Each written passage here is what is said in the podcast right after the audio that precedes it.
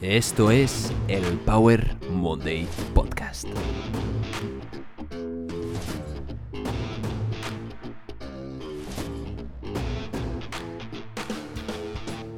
Bienvenidos al Power Monday Podcast, soy Pau, apasionado de fitness, motivación y ciencia. En este episodio vas a aprender por qué no deberías obsesionarte con tu peso, cuáles son los marcadores de salud que deberíamos utilizar en su lugar, su importancia y herramientas y consejos reales, eficaces y prácticos para perder grasa de verdad, lo que de verdad importa. Y voy a hablar un poco de suplementos, así que quédate hasta el final.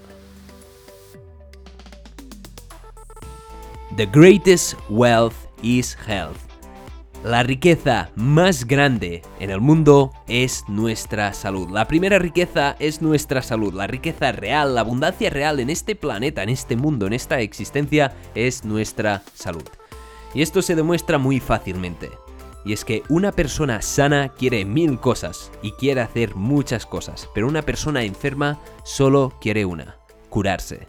Y es que nuestra salud es esencial y no es un gasto, es una inversión. Debemos invertir tiempo, recursos, conocimiento y casi todo lo que podamos para mejorar nuestra vida.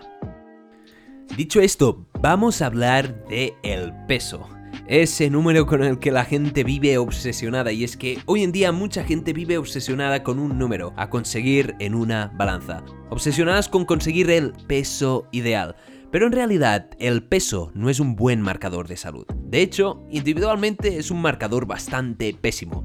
Puedes perder peso, pero eso no significa que te estés volviendo más saludable. Podrías perder peso porque te estás deshidratando, porque estás perdiendo músculo, porque estás tomando drogas, porque te han cortado una extremidad, por muchos motivos que no tienen por qué ser saludables y algunos son muy radicales. La balanza nos puede engañar de muchas, muchas maneras. La importancia del peso es relativa y no es lo mismo que una persona que mide 1,50 pese 70 kilos o una persona que mide 2 metros pese también 70 kilos. Los dos son poco saludables ya que uno es obeso y el otro es anoréxico. Entonces aquí es donde aparece el índice de masa corporal. El índice de masa corporal es una proporción entre lo que pesas y lo que mides y nos permite categorizar a la gente en general en grupos como grupo de normopeso o grupo de sobrepeso, obesidad.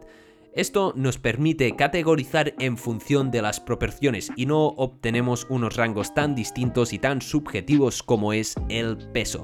Aún así, el índice de masa corporal, como dice su nombre, no nos dice de dónde proviene esta masa, y esto es lo que es realmente importante. Lo que queremos saber es el porcentaje de grasa corporal. Pero, ¿cómo podemos saber el porcentaje de grasa corporal y por qué esto es tan importante? Primero de todo, debemos entender que cuando queremos perder peso, lo que queremos perder en realidad es grasa, no queremos perder cualquier tipo de peso, no queremos tampoco cambiar de categoría de IMC, lo que queremos perder en realidad es peso y ganar músculo. Esto es lo que nos interesa. ¿Por qué? Porque estos dos tejidos en realidad son dos tejidos que actúan como órganos endocrinos. Es decir, tanto el músculo como el tejido adiposo tienen funciones endocrinas, regulan las hormonas y esto regula nuestro metabolismo. El tejido adiposo en particular puede regular nuestro apetito, nuestra sensación de hambre, nuestra resistencia a la insulina, puede controlar muchísimas cosas y está relacionado con muchas, muchas vías metabólicas. ¿Y por qué es tan importante perder grasa, perder porcentaje de grasa y mantenernos en rangos saludables? Pues bien, la obesidad y el sobrepeso se han vinculado con el riesgo aumentado de muchas enfermedades no transmisibles, sobre todo la diabetes tipo 2, las enfermedades cardiovasculares como la enfermedad coronaria como el ictus y también algunos tipos de cáncer como el cáncer de mama o el cáncer de vejiga. Además, se ha vinculado con un aumento del riesgo de padecer depresión y otros trastornos del comportamiento, no solo por el vínculo que existe hoy con los estándares de belleza, sino también porque modula las vías neurales, es decir, existe un eje que conecta los distintos órganos que tenemos en nuestro organismo. Existe el eje cerebro-intestino, existe el eje cerebro, intestino, hígado y también existe un eje donde se relacionan estos órganos con el órgano endocrino, el tejido adiposo.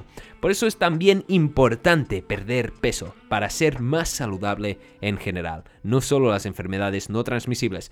Aparte de esto, Tener obesidad, tener un exceso de grasa es un mal predictor para cualquier enfermedad. Es decir, cojas lo que cojas, te aumenta el riesgo de obtener un mal resultado. Por lo tanto, es muy importante perder grasa. Vale, entonces si es tan importante el porcentaje de grasa corporal, eh, ¿cómo podemos saberlo? Porque en casa solo tengo una balanza. Pues bien, destacan tres métodos principalmente para calcular el porcentaje de grasa corporal.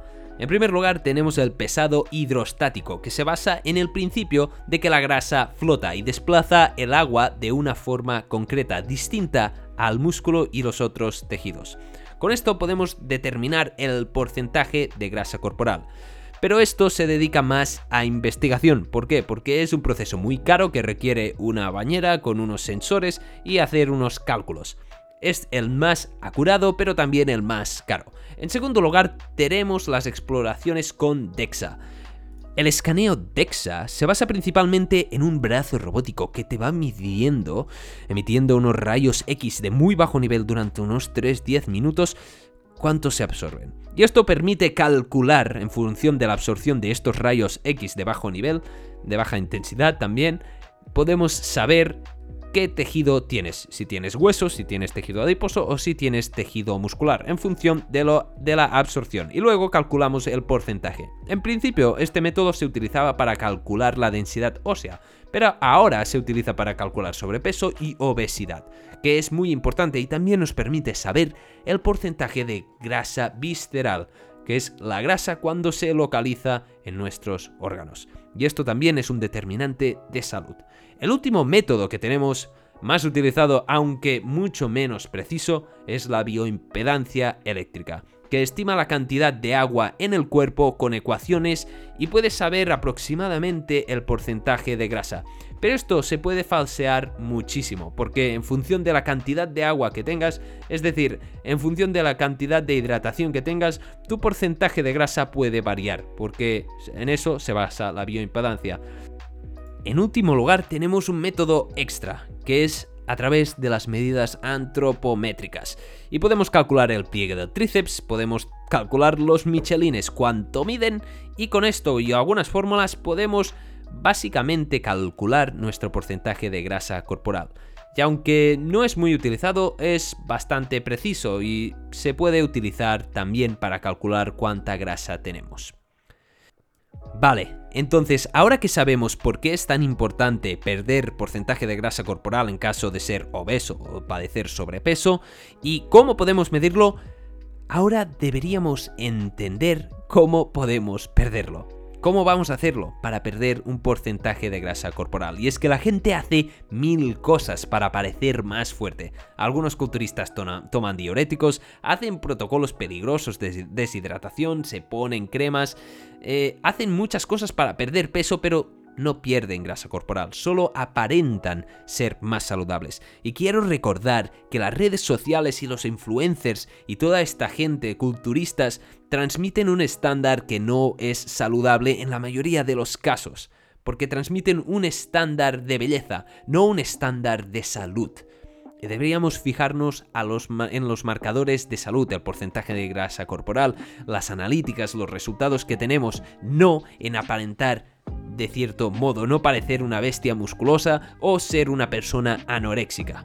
Debemos preocuparnos más por nuestra salud que por nuestra apariencia. Además, quiero añadir que hay niveles de porcentaje de grasa corporal que no son saludables. Necesitamos ciertos niveles de grasa para mantenernos healthy, ¿vale? No, no debemos eliminar toda la grasa de nuestro cuerpo. Como decía, es un tejido, es un órgano, es un sistema endocrino que produce hormonas y que interviene en muchas vías metabólicas necesarias para nuestra supervivencia, así que no te obsesiones tampoco con perder grasa. Pero bueno, ¿cómo perder grasa? cómo perder grasa para llegar a estos niveles óptimos, estos niveles adecuados. ¿Cómo se pierde grasa? Finalmente hemos llegado a la pregunta del millón, y la respuesta es muy simple, se basa en la termodinámica. Si quieres perder grasa, debes gastar más calorías de las que consumes, siendo las calorías las unidades de energía, excepto que esto no es tan fácil como parece, y esto a la práctica no funciona así. ¿Por qué? Porque no todas las calorías son iguales. Déjame que te lo vuelva a repetir. No todas las calorías son iguales. No es lo mismo 500 calorías de bistec que 500 calorías de brócoli. No es lo mismo y no tienen el mismo efecto en nuestro cuerpo, en nuestra saciedad y en todo lo demás. Pero lo que sí vemos es que cuantas más calorías ingerimos, si estamos en un contexto hipercalórico, vamos a ganar peso. Y si estamos en un contexto hipocalórico, vamos a perder peso. Esto es la base. Y si nos mantenemos en un contexto isocalórico, es decir, consumimos lo mismo que gastamos, no vamos a perder nada. Pues bien, lo que pasa es que a nivel práctico, mantener una dieta hipocalórica de forma constante a largo plazo no es tan fácil como parece. Y es que en la alimentación intervienen muchos otros factores, no solo nuestros objetivos de mantenernos saludables y de llegar a cierto porcentaje de grasa corporal, sino también nuestro ambiente y nuestras vías de recompensa, es decir, nuestro cerebro.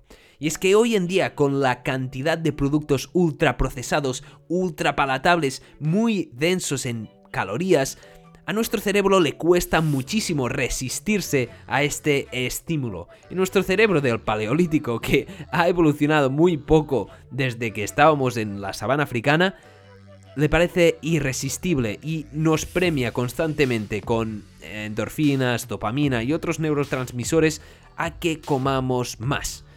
Esto sumado con el marketing hackeado que nos estimula también, es muy difícil resistirse y además añadimos el ambiente y todo lo demás. Es difícil mantener hoy en día una dieta hipocalórica cuando estamos bombardeados constantemente con alimento. Y es que este hecho no se ha dado en nuestra historia evolutiva muchas veces, de hecho es la primera una situación donde tenemos abundancia constante de alimento. Podemos comer lo que queramos cuando queramos, lo que te imaginas. Estás comiendo mejor que cualquier rey que ha vivido en toda la historia. Y por esto nos cuesta tanto perder grasa. Además debemos añadir las creencias individuales, culturales y otros factores que intervienen en la definición de nuestro peso y de lo que comemos. Y es que al fin y al cabo, una dieta hipocalórica se traduce en una pérdida de peso. Pero, ¿cómo podemos conseguirlo? Y has dicho, Pau, que hablarías de suplementos. Bien. Pues bien, para mantenernos constantes con una dieta hipocalórica, lo más recomendable es consumir alimentos que induzcan a la saciedad, alimentos ricos en nutrientes y alimentos saludables, no alimentos ultraprocesados. Es decir, mejorar nuestra calidad nutricional. ¿Cómo se hace esto? Pues bien, en general, básicamente consumiendo más productos de origen vegetal no procesados. Esto quiere decir consumir más frutos secos, más legumbres, más fruta, más verdura, más hojas verdes. ¿Y por qué los productos vegetales especialmente? Pues bien, porque los productos de origen vegetal contienen fibra, y la fibra regula nuestra saciedad y nos otorga una flora bacteriana más saludable que también regula nuestra salud global y nuestra sensación de saciedad y cómo obtenemos y absorbemos nuestra energía. Por eso es crucial aumentar los productos de origen vegetal. Y como he dicho en el principio, voy a hablar de suplementos para la pérdida de grasa. Y aquí viene el mensaje. Los suplementos para la pérdida de grasa no funcionan. Punto. ¿Ok? Espero que te quede claro un poco el mensaje. No funcionan como esperas que funcionen. No, porque el quick fix real no existe. Ese quick fix, esta solución rápida para la pérdida de peso, no funciona. Todos queremos perder peso de forma rápida, fácil e indolora, y esto no funciona así. Aún así, los suplementos pueden ser una herramienta para ayudarnos, pero como siempre, el suplemento no puede ser la base para la pérdida de peso. Por lo tanto, estos suplementos de extra slim para perder peso en general son diuréticos que lo que te hacen es perder más agua, pero en realidad no estás perdiendo porcentaje total de grasa, que es lo que nos interesa de verdad y estos productos no funcionan y no son considerados saludables. Entonces, de los suplementos que existen hoy en día, ¿cuál nos permite perder más grasa? ¿Y cuál es más seguro, a su vez? Es decir, debemos considerar la balanza de riesgo y beneficio. Pues destaca la cafeína. La cafeína nos permite perder peso. ¿Por qué? Porque estimula breve, levemente la producción de calor, estimula la termogénesis, ayuda a romper las partículas de grasas y suprime la absorción de los triglicéridos, es decir, nos permite reducir, los niveles de triglicéridos en sangre, que esto nos permite también reducir la grasa. Los niveles de cafeína que se recomiendan para inducir esta termogénesis o esta pérdida de grasa es de 400 miligramos por día, que probablemente ya consumes a través de tu café. Pero claro, si consumes la cafeína o el café para perder peso, entonces sería también aconsejable que lo consumieras sin azúcar, que es lo que probablemente te aumente el peso, el azúcar añadido. Entonces, para perder grasa, ¿qué debemos hacer? Debemos empezar por lo imprescindible, lo más importante, conseguir el déficit calórico. Además, es muy aconsejable seguir un entrenamiento de fuerza, tomar la proteína suficiente y tomar comida real. También puede ser importante el estado neto de energía, es decir, la energía que vamos consumiendo a lo largo del día, mantenernos activos. Por otra parte, está muy sobrevalorado los zumos detox, los suplementos, la frecuencia de comidas y también está bastante sobrevalorado el cardio. Es más importante hacer ejercicio constante de forma continuada que no hacer mucho cardio. Por lo tanto, aquí viene el secreto para perder grasa. Es un secreto muy secreto.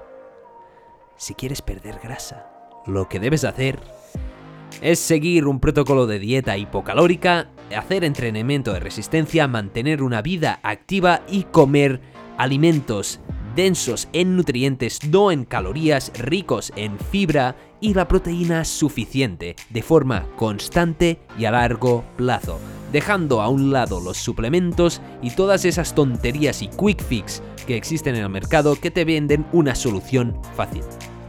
Para perder grasa esto es lo que funciona y ha estado demostrado por millones, bueno millones quizás no, pero miles y miles y miles de estudios científicos. Y es que esto es lo que funciona. No debemos tratar de encontrar soluciones fáciles y rápidas, porque la solución fácil y rápida es darse cuenta de que esta es la solución real. Entonces, si necesitas más información puedes contactarme, pero esto es todo por este episodio. Muchísimas gracias por haber escuchado este episodio. Recuerda, si te ha gustado, por favor, compártelo, déjale algún me gusta, hazme follow en la red que me escuchas. Si me escuchas en Spotify, me puedes dar a seguir. Si me escuchas en iTunes, también me puedes dar a seguir. Envíame un comentario a través de las redes y también me puedes enviar un mensaje de voz en Anchor y lo voy a responder muy, muy, muy felizmente. Recuerda, nuestra salud es lo más importante y perder peso no es tan importante como perder grasa corporal, que básicamente se consigue manteniendo un estilo de vida saludable y una dieta hipocalórica y haciendo ejercicio. Esto es todo por este episodio, te mando un abrazo y te deseo una semana épica. Nos vemos en el próximo episodio. Chao.